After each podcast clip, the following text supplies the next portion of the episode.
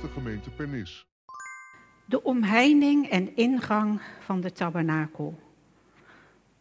Natuurlijk gisteren preek gekregen, dan lees je hem zo door. Denk ik, eerst denk je van oké, tabernakel, alleen maar tabernakel.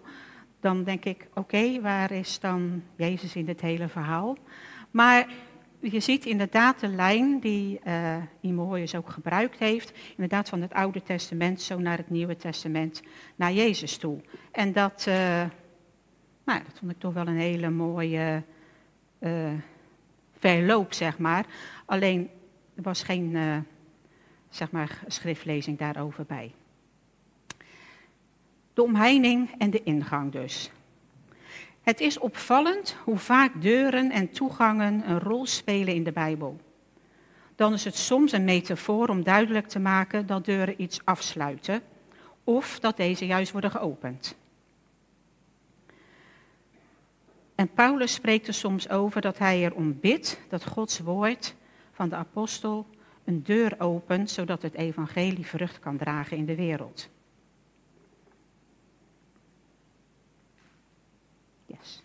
In het verre verleden van de mensheidsgeschiedenis bouwde Noach zijn ark.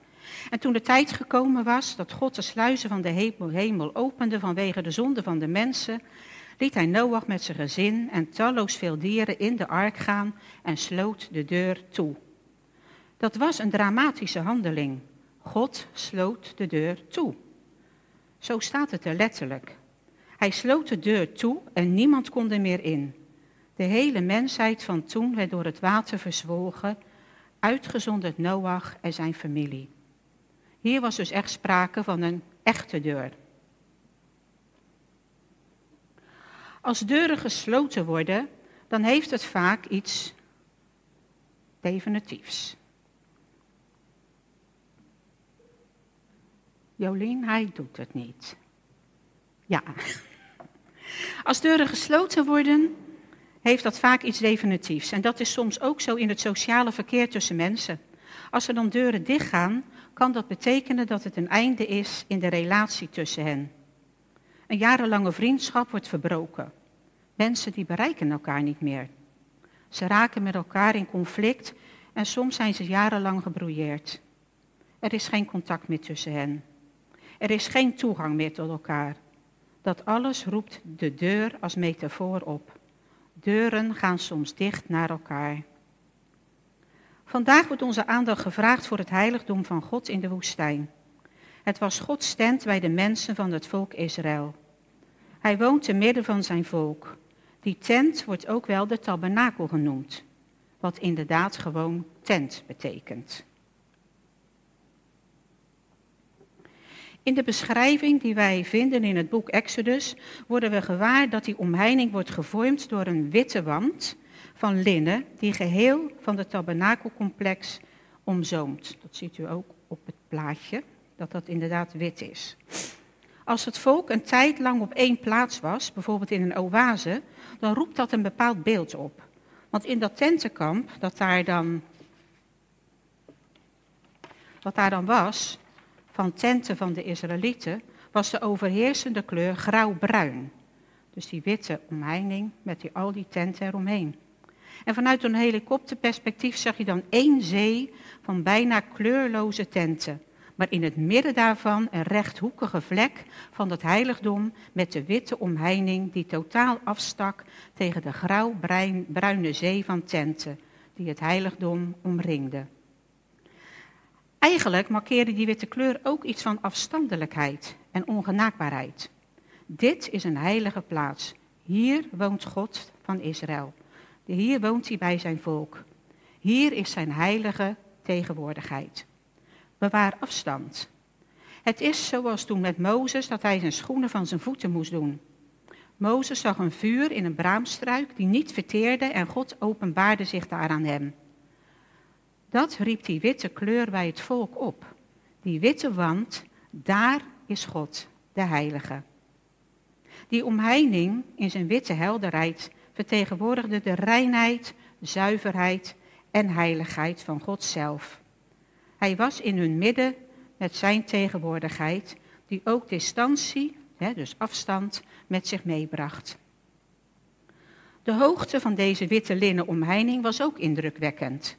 Die was 2,5 meter hoog. Geen Israëliet kon er overheen kijken.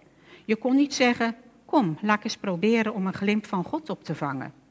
Dat ging gewoonweg niet. Dat was niet alleen onbestaanbaar, maar ook ontoelaatbaar. Verboden toegang, verboden te loeren, verboden om op je tenen te staan.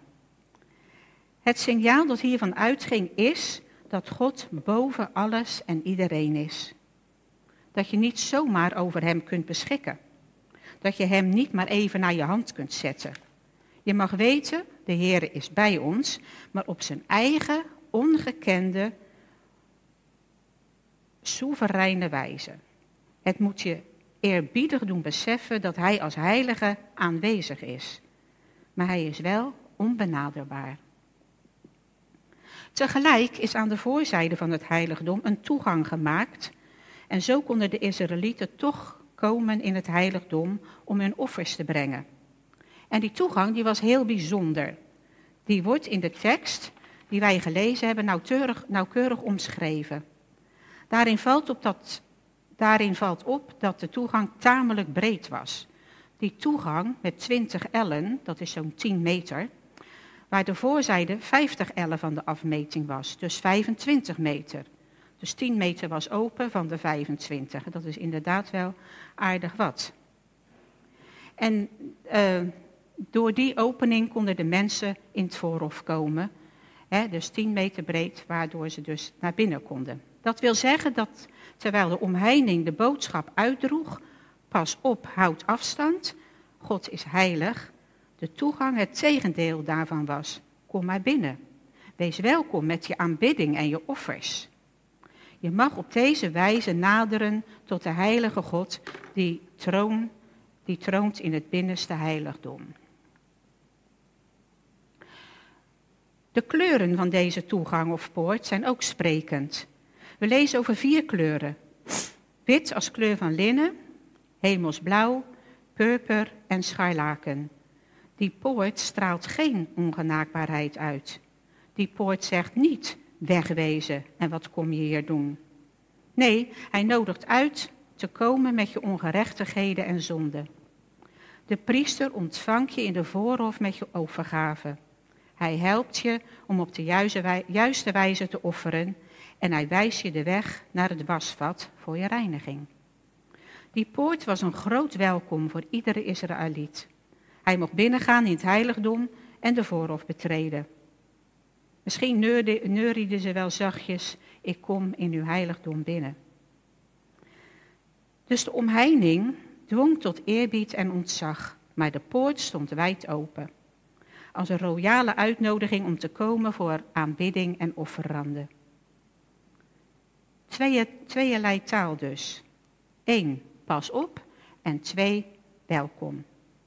Het is tegelijk afstand en nabijheid. Afstand en tegelijkertijd aantrekkingskracht. Omheining en poort, verschillend van taal. Wij willen dat het liefst versimpelen tot alleen maar de poort. Wij willen het graag eenvoudig houden tot alleen het welkom. We gaan die poort in onze tijd vaak nog breder maken. Die poort is ons nog niet wijd genoeg. Die poort staat nog niet genoeg open. 10 meter? Nee, dat moet nog breder en wijder. Zo weinig mogelijk beperkingen, zo weinig mogelijk beletselen. Ruim die poort. En de omheining kan ons sowieso gestolen worden. Die willen we eigenlijk niet. Die mag gerust van ons afgebroken worden. Nee, God moet zo gewoon mogelijk zijn als het ware een van ons. Een God op menselijke maat, dat past in onze tijd wel. Wij houden daar wel van. Wij zijn meer van het inclusieve. Iedereen mag erbij horen.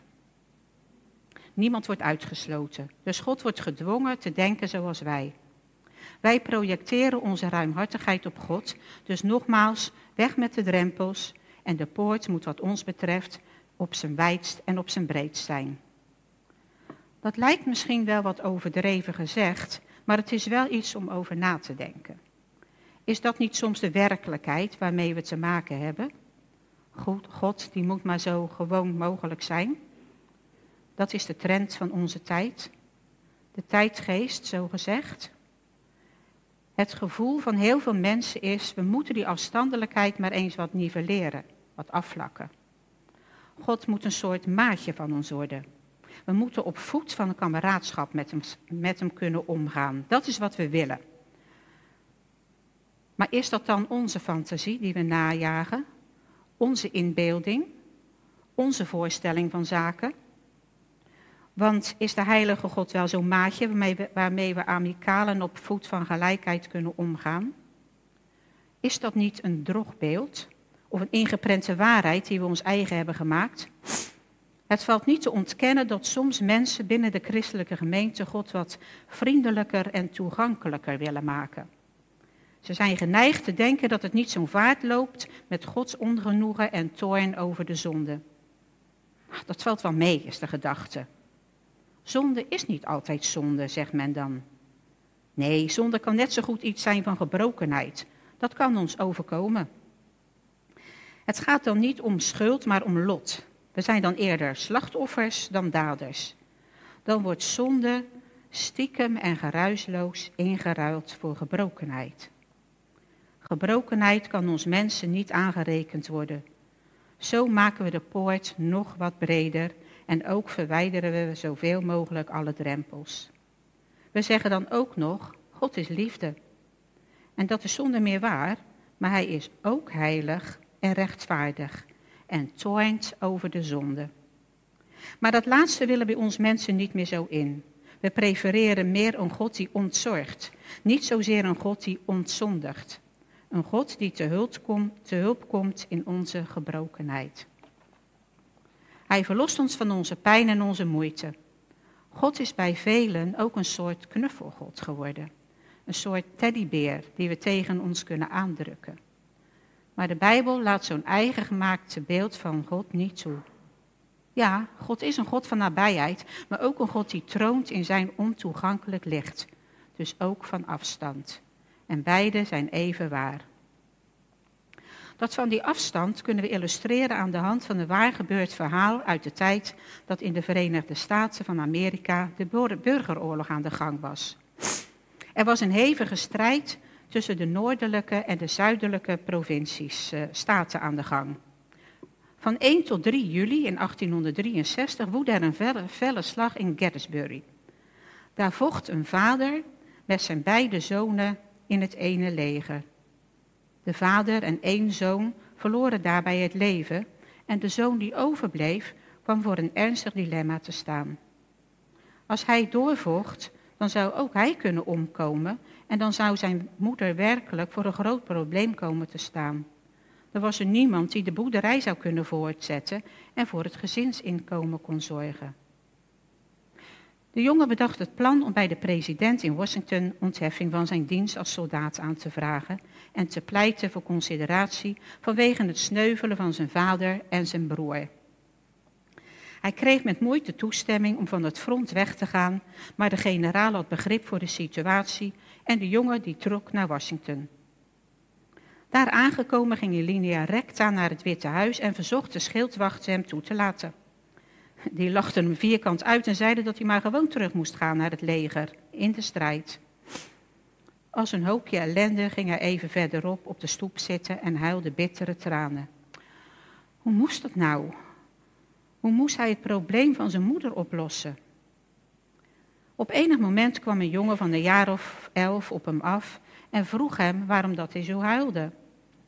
De lamgeslagen soldaat deed hem het hele verhaal en maakte hem duidelijk dat hij zijn hoop op de president had gevestigd en dat hij hem vrij kon stellen van verdere dienst in het leger en naar huis kon gaan.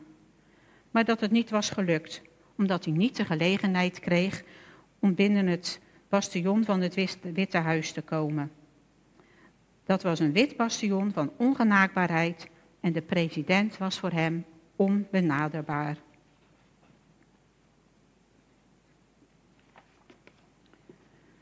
De jongen van elf, die hem vroeg naar de reden van zijn tranen, vroeg de soldaat om met hem mee te gaan. Ik weet misschien wel een weg, zei hij. Hij nam de soldaat mee in de richting van de schildwachten. die maakte geen aanstalt om hem tegen te houden. En de soldaat volgde de jongen.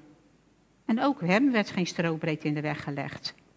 De jongen nam hem mee naar de ingang van het Witte Huis. Hij scheen ook daar de weg te kennen, wandelde door alle gangen en liep door naar de Oval Office, waar hij op de deur klopte. Een generaal deed open en liet hem onmiddellijk binnen. De jongen liep binnen, direct door naar het grote bureau waar de president zat. En hij zei: Pap, ik heb iemand meegenomen die jou wat wil vragen. En hij introduceerde zo de soldaat bij de president, die zijn vader bleek te zijn. De jongen heette Todd en zijn vader was president Abraham Lincoln. Het verzoek van de soldaat werd ingewilligd en de soldaat ging met presidentiële toestemming naar huis. Dit waargebeurde verhaal illustreert volmaakt hoe deuren kunnen opengaan als je iemand hebt die het vermogen heeft deuren te openen. Dat wordt, dan wordt zelfs het Witte Huis toegankelijk en de president benaderbaar. Zo heeft Jezus een keer gezegd dat Hij zelf de deur is. Door Hem heb je toegang tot de Vader. Hij is de weg, de waarheid en het leven. Niemand komt tot de Vader dan alleen door Hem. In de Bijbel wordt Hij ook het lam genoemd, dat voor onze zonde wordt geslacht. En door de schrijver van de Hebreeënbrief bovendien aangeduid als de hoge priester, die tot in het heilige der heiligen mag gaan om verzoening te doen. En daardoor zegt diezelfde brief aan de Hebreeën, hebben wij vrijmoedigheid om toe te treden tot de troon van de genade en mogen we pleiten op het bloed van de verzoening en mogen wij in vrijheid leven als mensen voor Gods aangezicht. Tot Lincoln bracht de soldaat bij de president. Hij was de deur die de soldaat nodig had om bij de president te komen. Jezus als de deur of de poort hebben wij nodig om bij God te komen. Maar Jezus is zoveel meer dan tot Lincoln. Jezus is hoge priester en lam. Hij is de weg van God gegaan in gehoorzaamheid. Hij is in hoogst eigen persoon de toegang tot God en tot zijn koninkrijk. En dat hij niet alleen tot de mensen en dat zij niet alleen tot de mensen in Israël, maar ook tot ons vandaag. Hij is de deur en de poort. Dat is een geweldige boodschap. We kunnen met onze nood ergens naartoe waar de deur naar God open staat. Met onze nood hebben we dan een nood. Ja, al denken we soms van niet of zijn we ons daar niet van bewust. Onze nood is dat wij sinds het paradijs hetzelfde hebben gedaan als het eerste mensenpaar, toen Adam en Eva als prototype van de mensheid de deur naar God met een smak in het slot hebben gegooid. Ze hebben het contact verbroken, de gemeenschap met God opgegeven en de relatie blijvend verstoord. In hun voetspoor hebben, we, hebben wij datzelfde gedaan. Van meet af aan dachten ook wij het zelf wel af te kunnen en gingen we onze eigen weg zonder God. Ook wij sloegen de deur achter ons dicht en zwierven over de aarde als verloren schapen.